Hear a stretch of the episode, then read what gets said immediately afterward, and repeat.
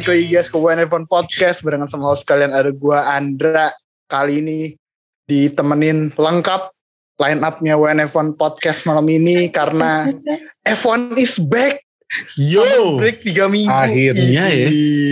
Alhamdulillah ya Allah. Tapi tapi nggak berasa ya emang pandemi ya Allah. Kalau dulu kan sebelum pandemi kayak kayaknya berasa banget ya. Lama. Iya sih, apalagi kalau nungguin gitu kan sekolah nggak selesai-selesai. Iya, ini ini cepet, ini cepet banget tuh perasaan baru kemarin. Udah muncul aja nih balapan. Iya makanya. Pagi minggu kemarin, wih balapannya seru kan. Kebanggaan Iya, Pak. Indonesia nyaris aja tuh gara-gara ada yang ngibar bendera aja tuh. Ngibar-ngibar. Iya, ah, Iya, ini harus harus kita bahas nih soalnya. iya nggak dapat Eh. deh gratisan ayam. Ah, Tapi dapat diskon 60% lumayan lah. oh iya, wah gue harus pesen ini. Besok ah. Udah lewat, udah, Udah lewat. habis, Udah lewat ya. Itu yang roti lipat juga diskon nggak? Enggak tahu. Roti lipat. Roti lipat. Roti lipat digoreng gitu ya Dil ya. Kebab Meksiko. Kebab Meksiko. Kebab Meksiko. Yoi, kebab Meksiko. Kebab Meksiko bang. Meksiko. Ya Allah. Ini harus kita bahas sebentar. eh, Jadi yang salah satu yang bikin kayak kenapa summer break nggak berasa nih soalnya di antara summer break juga ada balapan-balapan itu ada MotoGP, ada Lemang kemarin. Yang Tamiya jangan lupa Tamiya. Ada Tamiya eh, race terakhir ya kemarin kan pas kita Iya, Nick rekaman De Vries juara. Yang pasti juara Mamen, Itu Big to Freeze. rekaman episode sebelum ini. Tapi Lemang sih coy. Itu. P2 loh. Gila sih. Dan first start loh. L, P2. Pertama kali dia di ini. Pertama Di kali. Pertama kali balapan di Lemang. pertama kali balapan di Lemang di dia dapat P2 di LMP2 terus kemudian ada satu lagi wakil Indonesia di Lemang Eh, Om Andrew Herianto di Absolute Racing di kelas GTI AM naik Porsche naik eh, ngendarain Porsche ya Naik Delman kali. Delman. balapan pakai mobil eh, Porsche 911 RSR eh dia finish di P7 di Tujuh. kelas GTI AM Yep. Nah, tapi yang emang yang drama yang seru tuh emang terakhir-terakhir pas eh, tim yang lagi leading WRT nomor 41 tiba-tiba di final lap setelah 24 jam itu mobilnya Kubica Anjir kan tuh ya? sedih banget sih. Iya mobil Kubica. Mobil bener. Kubica. Yang bikin sedih sebenarnya itu udah 24 jam balapan itu sih. Kenapa matinya harus menit Harus di 24 jam ya. Mendingan di jam pertama sih kalau gue jujur ya. Iya. Kampret Ya, banget. sumpah. 24 jam lap terakhir tiba-tiba mogok terus jadinya eh, WRT nomor 31 eh, naik jadi race leading terus Jota nomor 28 kebanggaan kita semua. Wih, dia eh, naik jadi P2 dan itu di stint terakhir yang naik yang naik lagi yang ngendarain Tom Blomqvist Tuh emang emang emang liburan lama nih ngefek ya. Rasti pak Rasti pak. Balik-balik Rasti yang ngendarain Tom Blomqvist buat stint terakhir eh, dia ngejar dari gap sekitar berapa detik kata 8 Tuh. detik Dari, dari 8. Gue inget pokoknya sisa 10 menit. Atau sisa berapa belas menit lah. Pokoknya bener-bener bagian akhir race-nya. Itu gue inget ketinggal 10-12 detik atau apa. Gue nanya temen gue nih kekejar gak nih? Kekejar gak nih? Terus kata dia kagak kekejar ini mah gak kekejar. Terus kejar gila sih. kejar Kekejar tapi so close ya so close yet so far aduh iya sumpah tipis banget. Berapa sih kemarin gapnya? 0.00 ya? 0,7. Enggak, Enggak, enggak. 0,7. 0,2. Eh, Oh, 0,7 masih ya. 0,7 ya. 0,7. Soalnya kalau di kalau di endurance mah deket itu 0,7 0,7 Deket banget. terlalu dekat, terlalu dekat. terlalu dekat Terlalu itu kalau di endurance Iyalah. Nah, Yang gue kesel sebenarnya, yang gue kesel dua hal sebenarnya. Pertama, yang ngibarin bendera itu ngeselin banget sih sebenarnya menurut gue ya. Karena itu tradisi nggak. Ya gue ngerti sih tradisi dan Lemang kan cuman setahun sekali, nggak kayak F1 yang 23 kak, setahun bisa 20 bel- belasan kali. Tapi menurut gue itu iya bisa 20-an kali kan. Tapi menurut gue itu tradisi yang bahaya dan Duh nggak unnecessary banget lah. Dan Lagi pula itu masalahnya juga ya kenapa kayak silakan silakan. Masalahnya ya itu tadi benar kata lu itu tradisi kayaknya dan mereka tuh nggak mau itu menghilangkan soalnya kan bukan lemang juga sih F1 dulu juga tahun 70-an Iya. yang ngibarin bendera juga masuk 80-an sirkuit. juga masih seingat gue deh. masih kan nah itu Tapi ya apa ya maksudnya itu kelihatan posisinya pertama ganggu yang balapan, kedua bahaya juga kan buat orangnya. Jadi gue harap dari FIA dan W eh, penyelenggaranya Lemong Wek, bisa ini wek wek wek wek WC eh WC Wek. dan sama Wek. otomobil club yang di Lemong tuh juga ada kan. Eh, Ada, ada. Gue harap mereka bisa benerin sih. Kedua, gue kesel sebenarnya yang victory lap sih. Karena itu kan ngalangin banget ya. Ya, ngalangin pembalap-pembalap di belakangnya. Tapi belakangnya iya ya emang unexpected dan jarang sih sebenarnya Lemong finish sampai lap akhir masih battle gitu. Tapi kan ya tetap aja ya. Kan ada Ya. kesempatan gitu.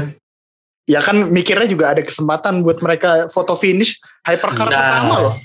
nah Menang loh hypercar maksud, pertama pasti historical lah mereka. maksudnya juga gini kan Dra, apa namanya kalau apa ya balapannya 24 jam gitu loh kalau kita kita kita sih lihatnya dari multiple point of view ya jadinya dari point of view-nya siapa dulu nih kan gampangnya kayak gitu ya kesel ya pasti kesel ya cuman kalau dari Toyotanya sih ya benar kata lu sejarah sih Iya makanya sejarah. Tapi ya udah eh, itu balapan lemang dari ajang WEC 2021. WEC. Eh, currently karena menang di eh menang P2 di Lemang kemarin eh, Jota nomor 28 sekarang di leading di constructor di constructor di standings eh, tim standings dengan 89 poin beda satu poin sama WRT 41 apa 31 lupa eh, beda satu poin.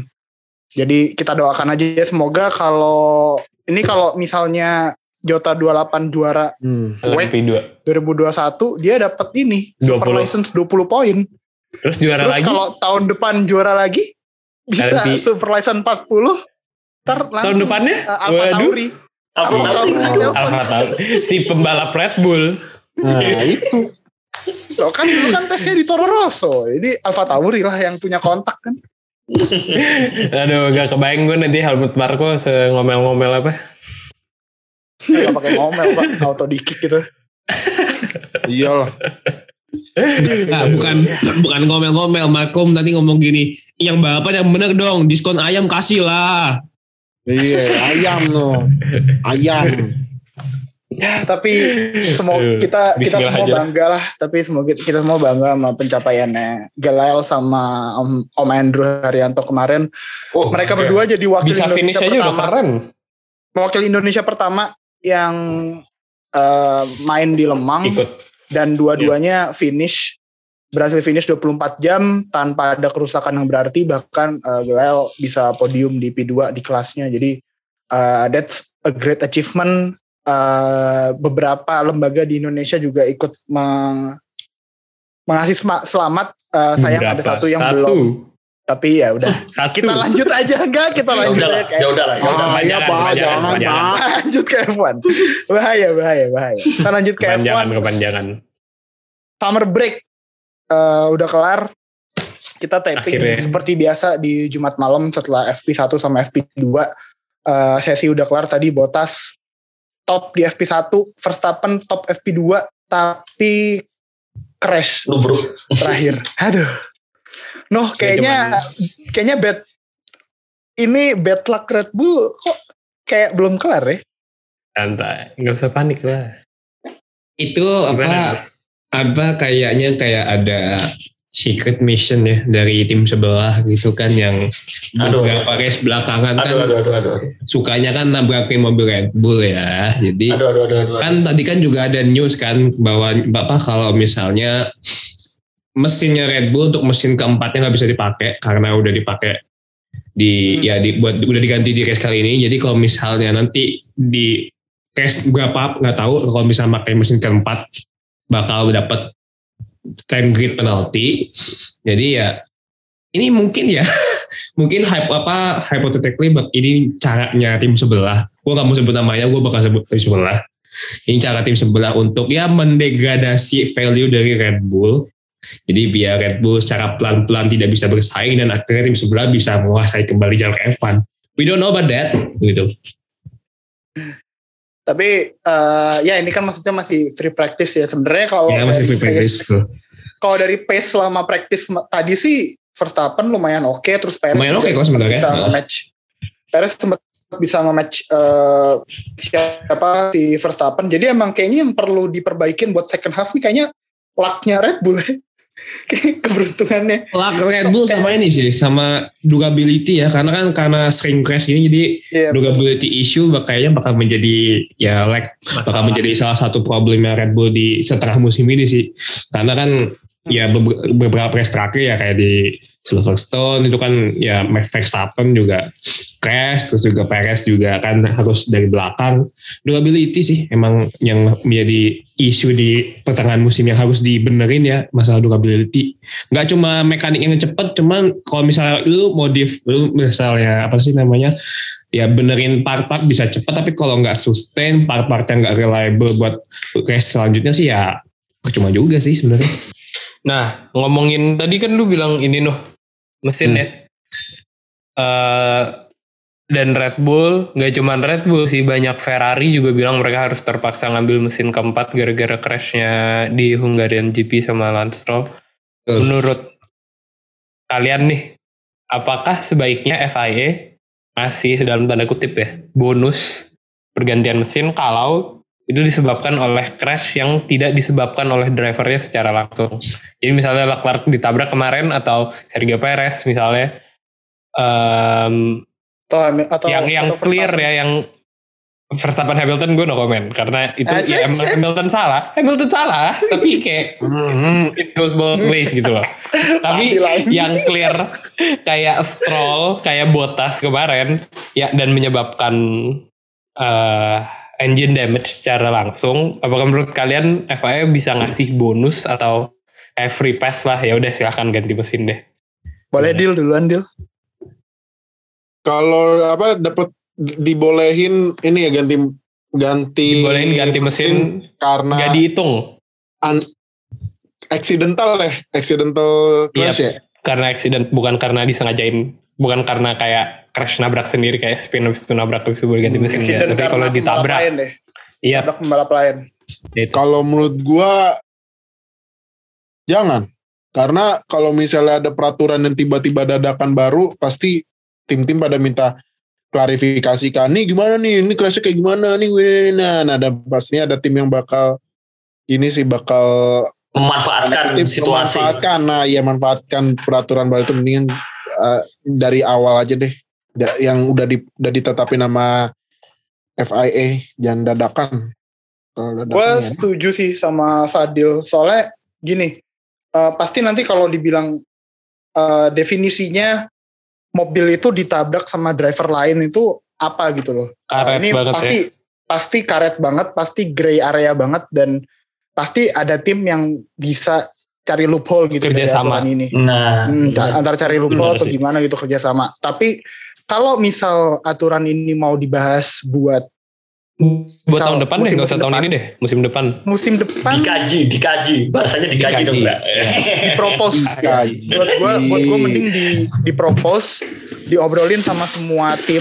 Jadi definisinya lebih jelas. Karena kalau dia buat ngeganti buat musim ini uh, dengan definisinya FIA doang pasti banyak tim yang gak setuju. Jadi mendingan ditaruh buat proposal uh, musim depan gitu loh. Atau musim-musim berikutnya. Jangan jangan FIA kan suka gitu ya kayak kemarin yang peraturan pit stop yang tiba-tiba nggak jadi juga tuh kan tengah musim. Kayak gitu-gitu tuh FIA Hmm, tuh benar, kurang-kurangin lah kayak aturan yang dikeluarin eh, dadakan di tengah musim gitu. Iya. Hmm, hmm. bikin gak enak bingung. dadakan apa pun gak enak dadakan gitu mah. Kecuali tahu bulat tahu bulat enak dadakan. Ah tahu berat enak dadakan. Enak. Ya Allah. Tai tai. Aduh kayak gitu. Dra, namain dong, Dra. Nah boleh hmm. boleh boleh Nah, gue basically setuju. Jangan deh, jangan kalau nambah atau dadakan. Tapi sebag eh, daripada gue buat ngasih bonus, mending nambahin alokasi mesin aja sih. Musim ini berapa sih? Empat ya? tiga Tiga. eh, yang dijatah tiga kan Yang jatah tiga kan. Maksud gue gini, Indra. Gue sih tempat kepikiran. tiga mesin buat ya minimal let's say 22 sampai 23 race lah. Itu menurut gue sih nggak make sense gitu loh. Hmm.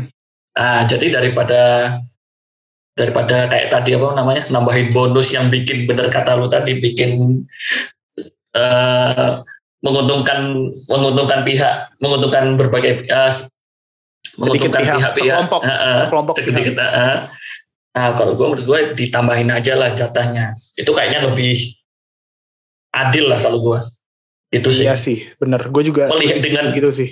Mempertimbangkan dengan banyaknya race juga ya kalau gue sih gitu, Hmm. kan itu kan soalnya mesin rusak kan nggak cuma dari crash juga kan bisa jadi kan ya tiga race bagi 23 ambil Nggak, aja rata-rata 6 sebenarnya sebenarnya hitungannya gini kayak mendingan eh, crash itu kan part of the race tapi kita nggak bisa prediksi kan. ya Jadi- sesuatu yang tidak bisa dikontrol Kalau reliability masih bisa dihitung lah.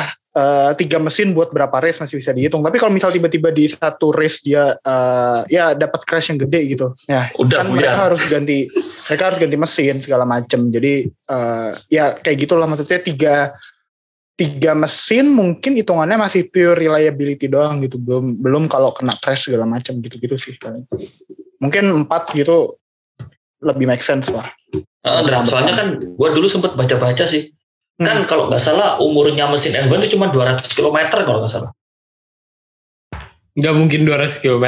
Gak mungkin Satu race dua race. 300 Mungkin aja udah oh race. 200 So, apa namanya eh, pokoknya 1000. seumurannya itu seumuran satu satu ini satu apa satu satu race pokoknya Nggak mungkin. Nggak mungkin. Nggak mungkin. Eh, Mesin eh, lama gini. mungkin. Mesin sekarang Eh, orang satu race 300 kilo. Gimana dong? oh enggak bukan 200 kilo satu race kan 300 kilo. Sorry berarti gua salah berarti satu race. Eh, kalau kalau sekarang kan mesinnya kan diservis kan ya? Bukan Emang apa ya? Nggak, nggak tahu. Nggak Nah. tahu gue. nah sekarang kan mesinnya kan diservis jadi mesin weng berangkat gitu kan. Apa? Berangkat. Race sorry mesin buat race ah, balik langsung turun. Mesin kan diturunin habis itu di, di ini dicek lagi. Kan kayak gitu. Kan part yang di penalti yang di penalti yang di apa yang dijatah kan mesin gearbox apalagi sih kalau komponen penggerak Banyak mesin MGUK, MGUH, ECU, CE, store. ya itu bagian Energy bagian besar besarnya itu kan itu kan dikontrol itu eh, bukan dikontrol apa dijatah ya ya itu dijatah bener Nah kayak gitu. Maksud gue itu sorry. Jadi mesin F1 itu kan kayak gitu sih cara kerjanya itu. Habis race Jadi- langsung jadi- mesin.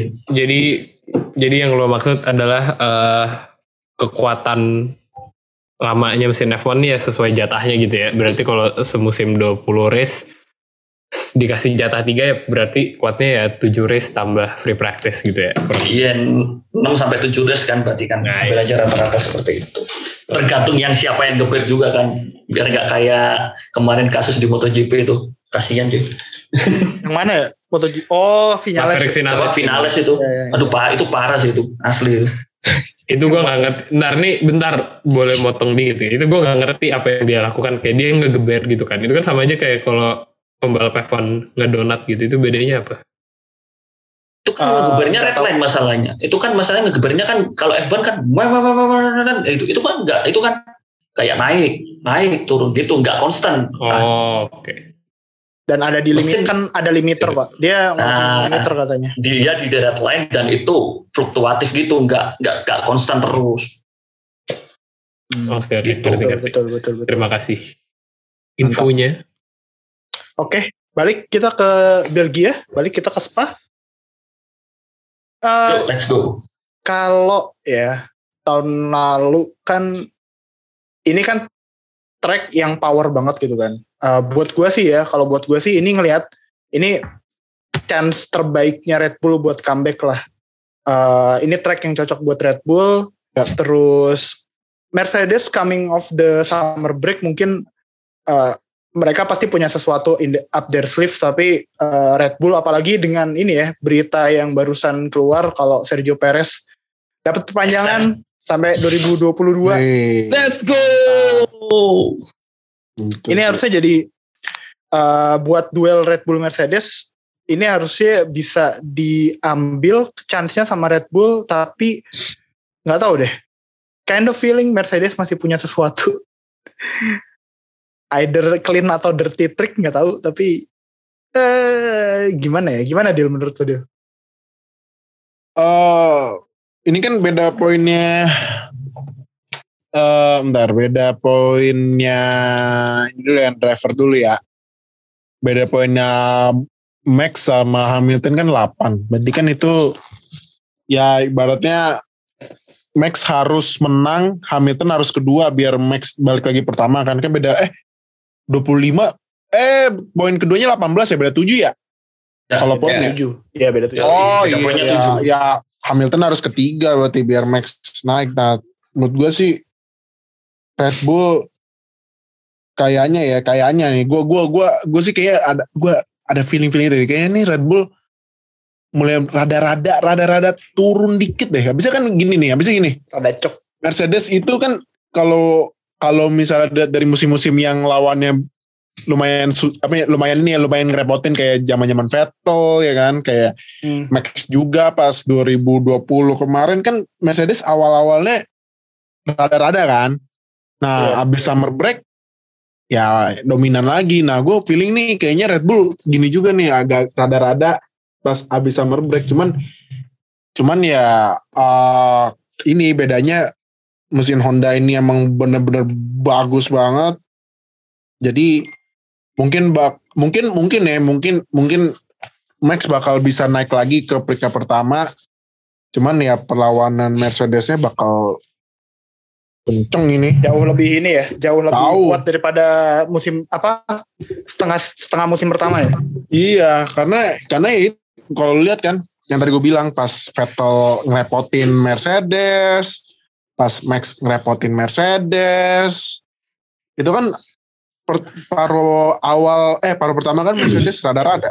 Nah, habis itu summer breaknya ya, habis summer break ya kembali dominasi sampai bikin ngantuk nontonnya tuh ya ini lagi ya gitu kan. Terus terus deal, nambahin dulu deal. Kan bener eh, Mercedes kayaknya bakal nyetel nih habis summer break. Terus gua eh, ada ada satu tambahan buat Red Bull sih. Kurang-kurangin kayak ya udahlah kalau Max habis kalah itu jangan terlalu dia di hard feeling gitu loh maksudnya. Ini gara-gara ini, ini gara-gara ini. Terus kan kayak Horner sama Helmut Marko kan keluar-keluar di media. Udah kalau menurut gue itu udah ya udah itu crash gini-gini fokus lagi gitu loh. Kayak gue tuh Iya. lihatnya kayak Red Bull kayak kehilangan fokus jadinya. Nggak Iya, move on bisa- gitu loh.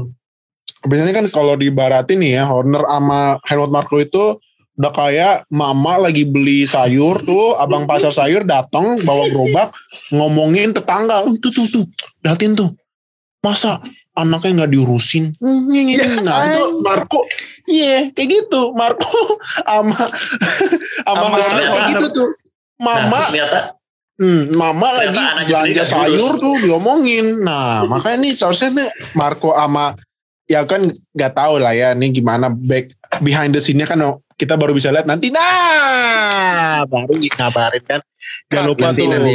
season Kenapa? 4 season 4 nah Kaget season gua. 4 ada lagi kaget ya Lu teriak anjing tengah-tengah kalimat. Teriak. Nah, ini kan Nah, aku gitu. langsung inget. Oh iya, kan kan abis kan kita kan nggak tahu behind the scene-nya Red Bull gimana kan. Abis crash yang Inggris. Nah, season 4 jangan lupa tahun depan tuh. Ya kan lelaki ya. Iya. aja. Nah, kita bisa lihat nih gimana Red Bull pas abis crash itu. Apakah bener nggak ada kan pas kan kayak contohnya kemarin Mercedes yang crash Inggris apa kapan tuh yang crash hancur banget. Eh be- ini Jerman. Jerman, kan Jerman. meeting, tim meeting kan Hamilton sampai aduh gua mainnya jelek banget bla bla bla gitu kan. Nah, kita lihat nih Red Bull apakah kayak gitu ju- juga atau ya ngomongin gosip emak-emak beli sayur. Ya benar. Hmm. Eh, ini ya berarti ya mental fokus ya. Kayaknya Ah, itu. Bener bener. Kayaknya Mercedes awal. yang Mercedes yang emang udah lebih berpengalaman di championship contending team mereka punya mental fokus yang lebih baik daripada eh, Red Bull kelihatan pas Mercedes di Monaco di Baku yang nggak bisa Hmm. compete sama sekali sama Red Bull mereka tetap tenang Nah, terus begitu masuk Red Bull yang malah kena masalah di dua race terakhir mereka justru kayaknya lebih panik gitu. Tapi ya ya inilah maksudnya comebacknya lebih terlihat buat eh, Spa ini besok. Karena kan setelah tiga minggu ngapain aja nih? Di grup WA-nya Red Bull pada ngomongin apa nih di grup WA nih kan? Iya. Tadi. Mm. tadi ke- kenapa kak kayak bukan gua. Oh tadi lu lanjut, nah nah nah gitu. Enggak enggak enggak. Bukan bukan bukan Lanjut lanjut. sip sip gue kayaknya eh, nggak afdol kalau nggak ngomongin Belgia tanpa ngomongin eh, tim merah yang satu ini sih yang tahun lalu Alfa Romeo. tahun 2000 iya Alfa Romeo maksud gue bukan bukan Ferrari Sepede lu semua.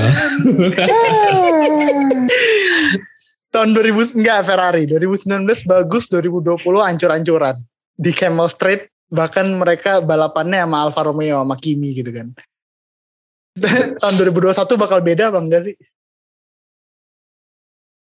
no hater Hmm. deh nu duluan tuh gue nggak mau nanya fans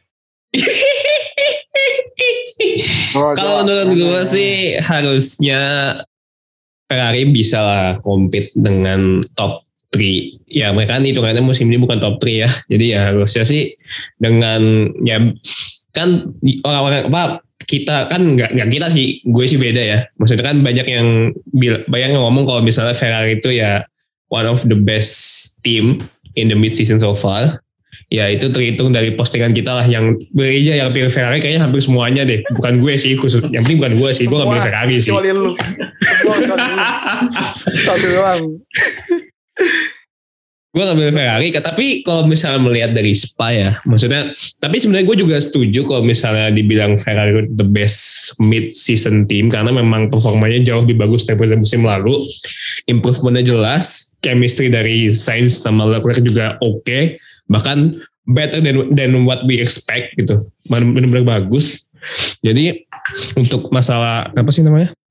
Masalah compete atau enggak sih harusnya bisa ya. Maksudnya nggak mungkin nggak untuk di top 3 mungkin agak sulit menurut gue. Cuman untuk bisa bersaing di top 5 bukan hal yang sulit sih karena track Spa ini kan benar-benar track speed ya apalagi di Uroch itu yang eh Iya kan Uroch ya kan ya? Auruj, iya yang Uroch urusan itu. yang ngomong gimana sih? Camp- Yang pernah Uroch. yang, yang udah pernah Sorry, yang iya. udah pen- yang udah pernah ke Spa mohon mohon dikoreksi. Ya gimana nih, ta, ya. ta, ta, gimana? Uh, habis pernah kospa gimana ngomongnya? Bacot, bacot, bacot. Duh, kok bacot sih Kok Ya, bacot sih? Kan lu udah pernah ke Spa.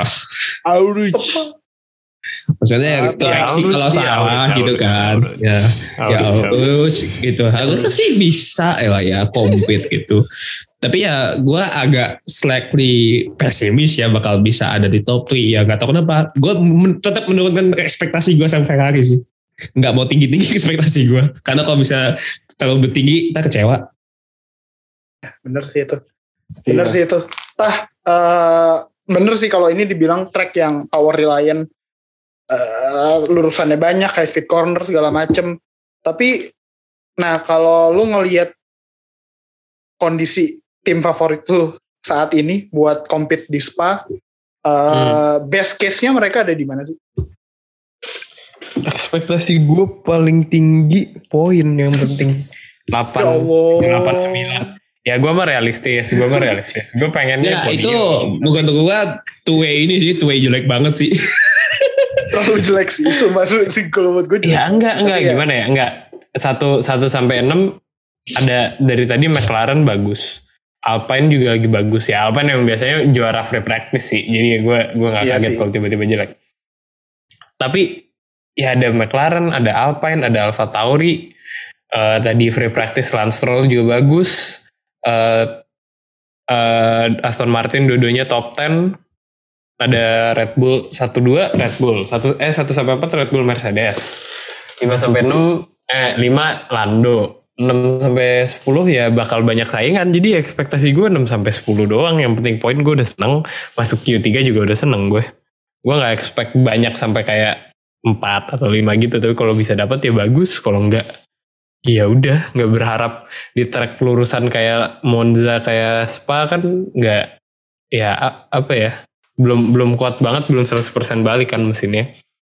Dan kelihatan juga pas di baku melempem kan? Baru awal-awal udah lewat semuanya udah langsung turun ke pi berapa tuh?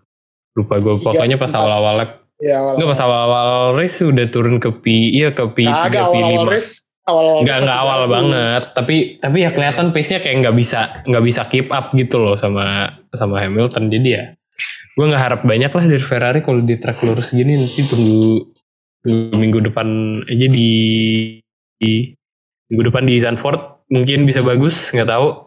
Tapi kalau di Italia sama di Belgia gue nggak expect banyak lah udah serahkan pada yang maha kuasa. Maha kuasa. Mungkin Serahkan pada yang master nyetir. plan. serahkan pada yang nyetir. Yang Maha Binoto. Yang Maha Binoto. YMB, YMB. YMB. Ya Allah, YMB. Nih, sedikit pesimis. Iya bener. eh BTW kalau dihitung-hitung ini dua minggu berturut-turut home race-nya Verstappen dua-duanya ya. Belgia sama Nah, iya, Belanda. Bareng. Ah, Sama iya, triple iya. header kan ya? Depan pecah sih, depan pecah. Triple triple header.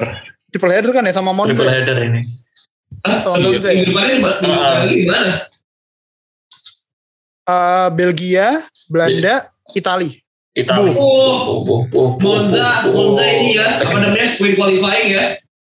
Iya, Oh Monza iya, qualifying. sprint qualifying. Nanti masih jauh, masih dua minggu. Tenang. Kita belum lewatin race besok. Nah, tapi kalau tadi si Fatah nyebut Alpine sebagai juara free practice biasanya, Eh, tapi kemarin dia juara race. Gua harus ngobrolin si rookie yang baru perpanjang kontrak juga buat 2022. Fernando rookie. Alonso 2022 bakal tetap ada di Alpine dan tadi ada momen menarik di FP2 Eh, F1 mengembalikan onboard kamera dari helm ini Driver Di eye. helm. Helmet Helmnya- kamera. di helmnya Alonso Gila, gila. Tapi yang jadi Penting sih. obrolan di F1 Twitter yang jadi obrolan di F1 Twitter Apa tuh? itu info disetir nggak di blur Iya makanya ya. iya. Kenapa ya? Oh iya. Bahaya sih. banget ya. Cuman kalau gue sih, gue gue sih mikirnya gini. eh, selama ini kan nggak tahu ya kalau di balapan lain. Selama ini selang yang gue tahu eh apa setir yang di blur itu kalau nggak salah bukan pas live ya, udah pas post production ya. Iyalah itu kan. agak live pas Koreksi gue, live, koreksi- live. koreksi kalau nggak FE tuh Oh. FE tuh FL live ya. FL pas live ya. Ah makanya itu tadi koreksi kalau salah. Oh ya udah berarti. ya nggak apa-apa nggak apa-apa tenang Hmm. Ya udah berarti. Ya mungkin, Mungkin masih ini kali ya. Mungkin gini kali ya, FE di blur karena kan FE mobilnya sama semua. Ya kan Hmm. berarti tinggal main kemampuan cuma strategi. Nah ini berarti wah ini pembalap jago. Gimana jagonya dah pembalap gue jelek mulu.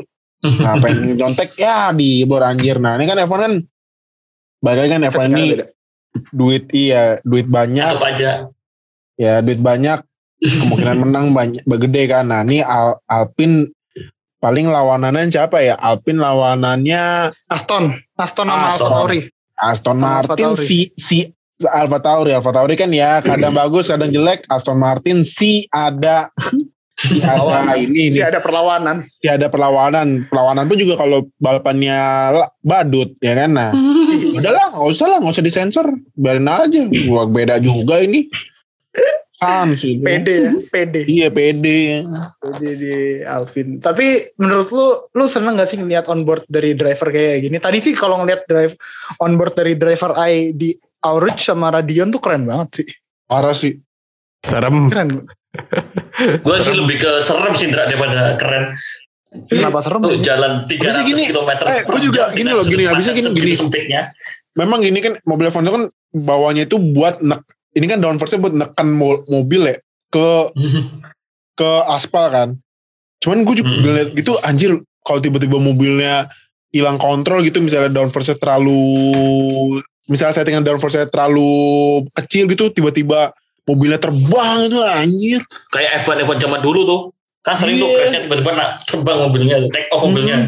iya makanya ya cuman kan emang cuman kan eh, itu kan eh, emang ya mobil F1 sekarang canggih tapi ngeliatin onboard dari mata tuh dari Radion Euruch itu kan wah gila udah kayak naik halilintar sih cuman ini bedanya speednya tiga kali lipat gila-gila nih mah Dan dan sudut sudut pandangnya sempit banget. Lu tahu kan visornya tuh Iya. lebarnya nggak selebar helm motor gitu loh maksudnya. Nggak Iya, usah- nggak makanya- selebar helm full face di motor. Makanya buat lu pada yang bilang ya balapan nyetir orang bego emang tolol. Marah pak. Begoin dong anjing. Tolol. Aduh, ini yang spesial di Belgia eh, ini sih pasti sebelum di hari Kamis kemarin tribute buat Antoine Hubert Oh iya. banyak Oh iya. siapa si Leclerc si Juan Manuel Korea di Gasly. F3 Eh, iya, oh iya, Gas- bukan. Gasly Gasnya temennya ya. temennya Eh, mereka pas lagi track walk nyamperin ke tempat eh, crashnya jadi buat GP Belgia eh, tribute buat Antoine Hubert tribute ini juga dipakai di helmnya Sunoda Iya. Mhm. Ah, helmnya Tsunoda tuh di crown atasnya tuh ada tulisan ada logo Antoine Hubert di atasnya. Dan kalau ngomongin helm buat race ini keren-keren sih. Bagus, bagus, bagus, Yang- bagus banget. Kalau gue yang paling gue suka jelas helmnya Mick Schumacher. Oh iya. Dia pakai helm desain originalnya pas Bapaknya. bapaknya debut. Oh iya kan bapaknya kan bentar lagi series Netflixnya bakal keluar juga kan. Ah. Dan, dan juga Gitu. dan itu itu kayaknya bukan alasan utama sih. Alasan utama kan ini Emang bukan, emang bukan. anniversary 20 tahun. 30 tahun yang lalu alasan. 30 Emang bukan. Cuman Helm ya Oh iya, tiga, kenapa nggak kita mention aja sekalian gitu loh. Nah, Iya, iya. Bener sih, itu. bener, bener, bener, bener. Iya. Jangan lupa September di Netflix yang bayar ya, jangan ilegal loh. Dan mungkin kita juga bakal review kali ya kalau misalnya Eh, nanti- tuh. Eh, eh itu series apa film sih? Series Film, kan? Film, banyak. film, film, film. Eh film film film film. dokumentari lah, dokumentari, dokumentari lah, dokumentari. Enggak ya kan maksud gue itu berepisode-episode apa cuma satu kan cuma satu bisa lah aman aman di Bisa lah. Michael, helm bapak K, helm bapak K. keren itu udah tribute paling keren mungkin sejauh ini dari semua desain helm spesial buat gue itu helm paling keren sih Terlepas dari ini meaningnya nih, meaningnya dalam banget itu. dia meaningnya dalam Asli. dan Meaningnya desainnya Dan desainnya, desainnya wah. simple gue tuh Ya, suka simple. kayak cuman bendera bener-bener mirip plek-plekan sama desain Michael Schumacher yang zaman dulu emang dan ternyata pas di implement ke modern times itu jadi oke banget dan Iya, iya. that's nilai vintage-nya top banget sih buat gue. Sama ini lah. Sama helmnya Max lah yang spesial tuh buset. Orennya oren i apa eh, glossy gitu anjir kan banget. Orange, orange. Oranye ya. Ntar kan pas yang habis ya lurusan pas diares diares ke pertama kan tuh wah tuh udah tuh siap-siap aja asap oren. Camel Street ya, di Camel Street ya. Camel iya, Street. Camel Street wah siap-siap aja dah tuh. Tapi kalau misal helm Verstappen sekeren itu di Belgia, di Belanda kayak apa ya? Wah, Waduh. sih. Waduh, waduh. Bakal beda sih, beda lah. Aduh, sinting sih pasti kalau di Belanda. Iya. Lebih keren sih. Udah, udah gitu bonek Belanda ngeri lagi. Bonek, Ultras, ultras Verstappen. ultras. Ultras. Ini apa? Su Max, Max, Max, Super Max. Iya. Sebenarnya ada ada sebutannya satu lagi, cuma gue nggak mau nyebut sih. Orange. Oh iya, Max itu nanti ini cuy. Dipandu sama Martin Garrix nanti nyanyi itu. Max, Max, Max itu sama Martin Garrix. Apa? Ini ya. Martin Garrix. Di, Apa sih DJ lagi? Belanda ya kan banyak tuh Amin van Buren. Martin Garrix, Rehab, Lah, apa gitu. Ada DJ-nya ntar DJ set di Belanda. Di garasi Red di- Bull, di garasi Red Bull bahkan. Tapi Ini- yang di play itu bukan lagu-lagu DJ Belanda, Pak. Yang di play tadi di dunia. Ya elah anjing. Jedak jeduk slow mo X remix, let's go. Ten ten ten ten ten gitu. Yang penting harta, duitnya banyak. Nanti nanti tiba-tiba nanti tiba-tiba tim radionya Max pas sudah finish line, aduh aduh aduh aduh gitu. Tai. Paling Aduh aduh aduh. Dua tiga makan buaya selamat kamu juara. Iya. Ini apaan ini kalau nih ya kalau misal nanti uh, Max beneran juara di mana pun ya pokoknya di race mana pun setelah ini kalau misal Max juara tah lu rekam uh, soundnya sama lu ngomong kayak yang dua tiga kamu buaya tadi ntar gue jadiin opening podcast Oke aman aman Udah. aman aman. Bismillah. Tapi dari semua helm spesial, lu semua pada suka yang mana? Kalau gue suka Schumacher kan tadi. gue juga sih. Helm spesial. Kalau- gue ini sih Max keren aja. Iya. Gue Kalau secara sentimental iya punya punya Mac bagus, tapi kalau secara gue ngelihatnya dari pure desain aja, Hmm, punya pure Max design aja. paling keren. apa-apa. Punya Max paling keren, warnanya bagus, desainnya keren dan ini Red Bullnya lebih apa ya?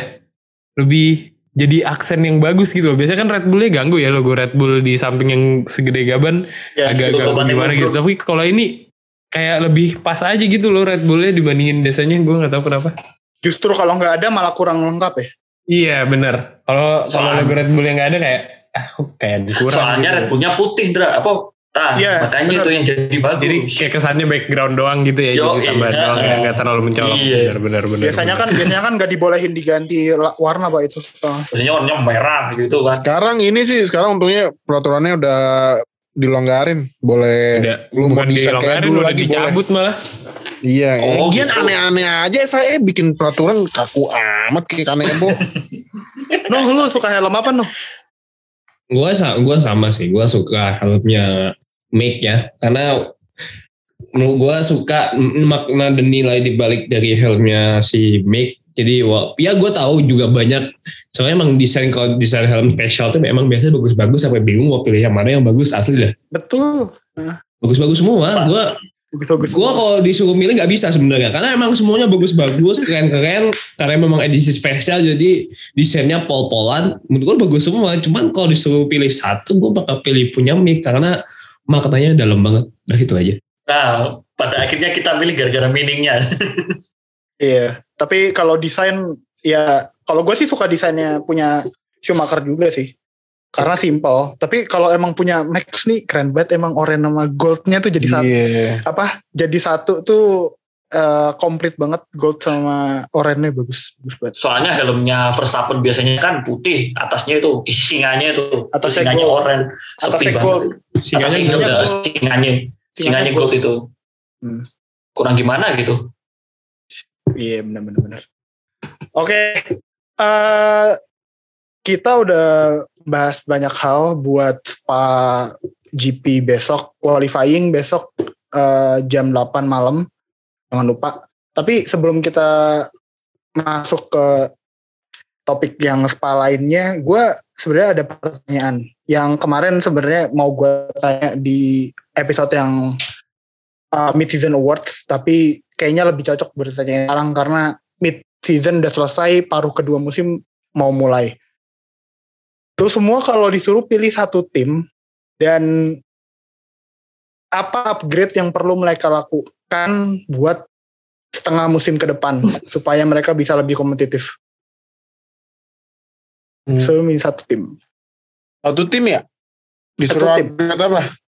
apa pun seluruh upgrade apa pun yang menurut lu perlu buat mereka uh, lebih kompetitif apa yang paling urgent buat mereka ini Nah, gua dulu Ini aja. sih. Siapa Eh, dulu Lu dulu apa dulu?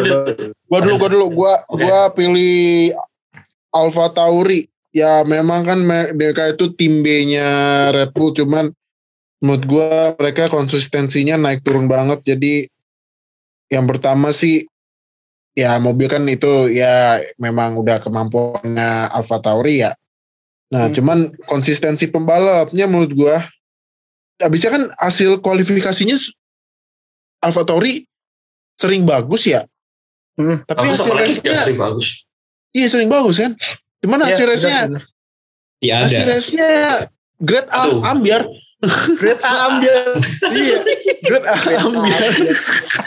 Nah, habisnya nih contoh ya pas di race mana gitu. Gasly ya ini, ini bedanya ini kalau nih kalau gue bahasnya cuman ujung-ujungnya konsistensi. Nah, ini di grid race mana itu gridnya Gasly sama Sunoda jauh banget. Tapi ya Gasly-nya habis itu habis race eh pas race berjalan ya Gak mau jauh-jauh dari Sunoda. iya gak mau jauh-jauh dari Sunoda makanya jadi gue sih harus gue pilih Alfa Tauri harus tingkatin konsistensi pembalapnya sih ya seenggaknya ya bisa ya kayak kalau menurut gue sih kayaknya Alfa Tauri sekarang ngejar Alpine agak-agak susah ya karena Alpine menurut gue akhir-akhir ini race-nya hasilnya lumayan strong. Apalagi kemarin ya walaupun race badut di Hungaria tapi menang juga cuman kan lumayan ya.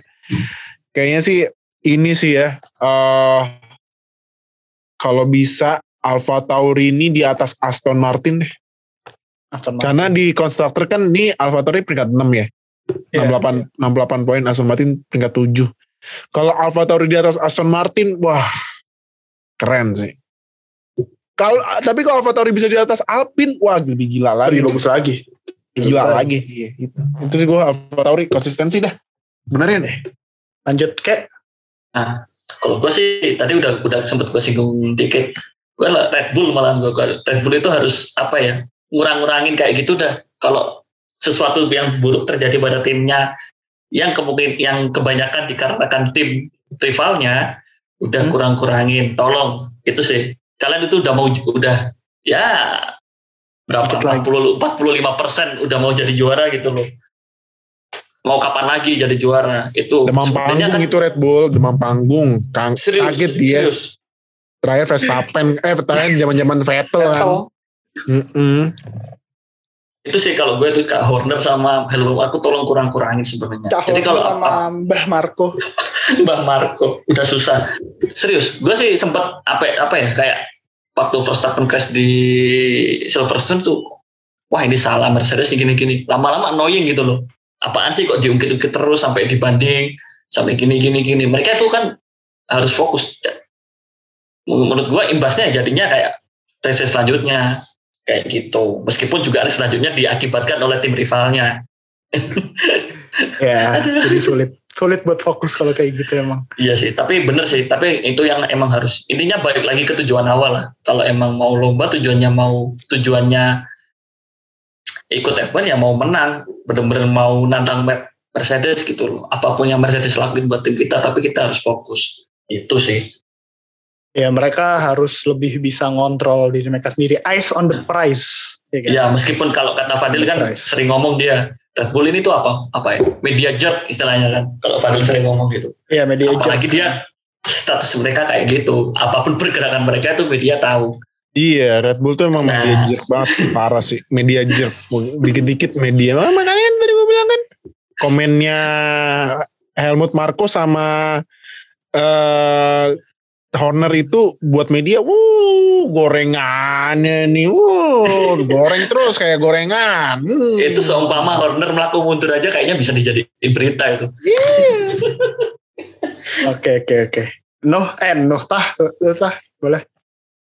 Em, kalau menurut gue sih yang harus diimprove ya ke depannya tadi karena Red Bull disebutin dan setuju juga sih gue jujur. Tapi gue lebih fokus ke McLaren, ke McLaren sih. McLaren harus harus ditingkatin banget performanya terutama di Ricciardo karena mau nggak mau ya Ferrari sekarang nempel McLaren. Walaupun ya mungkin di beberapa track Ferrari kurang kuat, tapi ya bisa aja nanti di mana Ferrari bisa dapat 56 eh, atau 67 misalnya Lando 5 tapi Ricciardo out of point misalnya kan ya bahaya juga ke championship battle-nya. Jadi ya menurut gue yang paling penting untuk improve ya McLaren biar bisa konsisten di kons- eh, nomor 3 constructors terus. Oke, nice. Noh, Iya Ricciardo nih.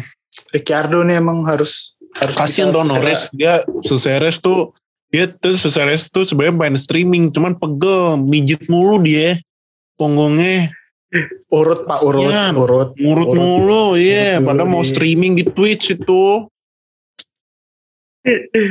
Oke, Hmm. Noh, lanjut Noh. Kalau gue sih, gue karena tadi pas di Hungary GP ngeliat Alpine ya, walaupun bisa dibilang race-nya ada Mickey Mouse ya, ada Mickey Mouse race, cuman gue melihat Alpine ini makin ke sini, mak- maksudnya dari race tiap tiap race tuh improvementnya ada, walaupun mungkin kayak pelan ya improvementnya nggak langsung kayak sekali race langsung gue langsung bisa ini. Enggak, cuman dari mending pelan-pelan tapi improve daripada cuma sekali habis stuck gitu aja stop gitu. Gue lebih suka yang begitu pelan-pelan improve, pelan-pelan improve.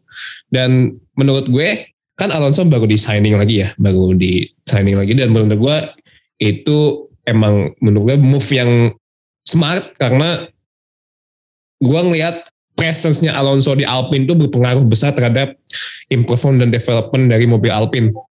Karena Alonso udah pengalamannya banyak, kita udah tahu seperti apa. Jadinya input-inputnya Alonso tuh menurut gue sangat-sangat bagus dan sangat-sangat ya sangat-sangat ter- inilah sangat-sangat berguna untuk development Alpine untuk tahun ini. Jadi makanya makin ke sini kan performanya makin bagus walaupun ya tadi tidak sempat di-mention lah Alpine adalah juaranya kualifikasi juaranya kualifikasi pace race sih ada ada sih ada. Cuman ya mentok-mentok paling di P berapa sih? Tapi tapi kan top 10 lah di, Mentok-mentok top di 10. iya top 10 tapi kan di GP Hungary kemarin Alonso bisa ini kan bisa Defensive duel sama Hamilton masih bisa masih bisa duel sama Hamilton. Itu menurut gue salah satu poin plus yang harus kita ini sih harus kita highlight ya. Karena berarti mesinnya Renault capable kok buat duel one on one lagi sama Mercedes gitu jadi ya tahun depan bisa jadi ada yang mau ganti mesin atau misalnya mungkin ya kalau misalnya ada loh ya atau mungkin mau tim baru yang mau coba pakai pakai tip mesinnya Renault but- ya mesin Renault reliable kok bisa buat duel sama Mercedes jadi ya Alonso menurut gua move yang sangat-sangat bagus buat development Alpine ke depannya sih. menarik sih ini karena lu singgung eh, Renault buat ngejual mesin ke tim lain karena kan currently yang make cuma tim Alpine sendiri dan Betul. kayaknya development mereka rada tersendat karena nggak punya customer buat beli eh, mesinnya mereka dan kalau misal tahun depan mereka bisa nyari customer buat eh, mesin Renault-nya mereka mungkin eh, mobilnya bisa dapat suntikan dana lebih oke lagi gitu buat R&D, buat segala macamnya. Kan nanti kan mereka juga dapat insight pastikan dari tim customer mereka. Jadi kan pasti developmentnya dibikin bareng-bareng. Jadi that's a really good point buat Alpine. Gimana caranya mereka bisa ngeyakinin tim-tim di F1 di, di grid kalau mesin mereka bagus loh buat kalian pakai.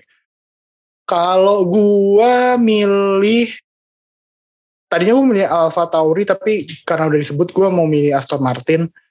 Aston Martin ini tim yang sebenarnya secara strategi beberapa race itu mereka sempat bagus, mereka udah bagus dan gue bisa lihat gitu kayak improve di segi strateginya tuh Aston Martin ini udah oke gitu. Mereka udah berani buat golong pas di Monaco overcut beberapa mobil sampai dia di Vettel gain dua posisi dari overcut di Monaco terus uh, beberapa race juga mereka punya strategi yang bagus sayangnya nggak didukung sama mobil yang sama stabilnya sama oke-nya gitu sama si Aston Martin. Kayaknya mereka masih belum bisa move on dari problem low rake car yang mereka hadapin pas di Bahrain testing. Dan menurut gue sih mereka harus cepet-cepet bisa nyelesain ini. Mereka harus bisa bikin mobil yang lebih stabil buat Vettel, buat Stroll, supaya di second half of the season kayak tadi mereka bisa lebih compete sama Alfa Tauri, sama Alpine, dan kalau mereka bisa dapetin kayak gitu ditambah sama strategi mau dari timnya yang udah oke selama musim pertama eh, tengah musim pertama di 2021 ini bisa banget Aston Martin jadi penantang buat eh, top 5 di klasemen constructor musim ini. Oke, okay, uh, maybe that's all that the time we have buat preview Belgian GP. Besok qualifying hari Sabtu jam 8 malam. FP3 gue nggak tahu. FP3 jam jam 5 ya biasanya ya, jam 5 sore ya. Iya. FP3 jam 5 sore. Terus qualifying jam 8, race-nya juga hari Minggu jam 8 race pertama di paruh kedua musim F1 2021. Jadi jangan sampai dilewatkan apa yang bakal terjadi uh, di comebacknya F1 di musim 2021 ini. Oke, okay, uh, thank you Ke, thank you Dil, thank you Tah, Yo, thank yo. you Nuh sudah Yo, yo. join malam Thanks. ini. Jangan lupa follow uh, sosial medianya WNF1 di Instagram, Twitter, sama TikTok. Handle-nya sama at TikTok. WNF1 official. Paling penting TikTok. Semua Enggak semuanya penting, semua penting. Follow semuanya guys. emang emang emang orang-orang kayak gini nih. Iya, Siap nggak? Siap nggak? Mentang-mentang udah face review, dapat fans oh, TikTok. Tentang udah seribu. eh. Iya nih. Oh, Kapan nih eh kak eh apa sih kalau sekarang manggilnya ngap ngap Ngap. ini bikin video lagi udah nggak Yung, yung, yung. Mana ada komen kayak gitu. Kalau kita ada 70% cowok. Ya kan 30% cewek berarti ada Ada kan 30 persen. Ada. Berarti kalau yang apa? Kalau yang cowok manggilnya ngap, kalau yang cewek manggilnya hiung, hiung, hiung. yung yung yung Kayak mobil F1 manggilnya. Kayak mobil F1 manggilnya. Nah itu jangan lupa di follow sosial medianya WNF1 di Instagram, Twitter, sama TikTok.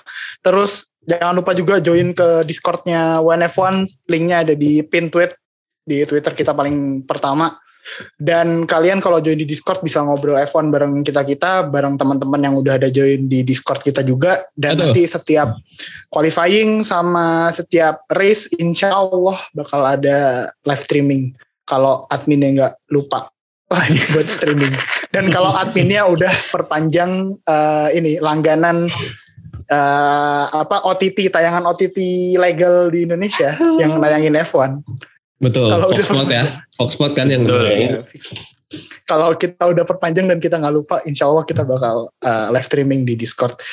And Yoi. thank you buat teman-teman yang udah dengerin. We'll see you guys Yo. in the next episode. Bye guys. Bye. Bye.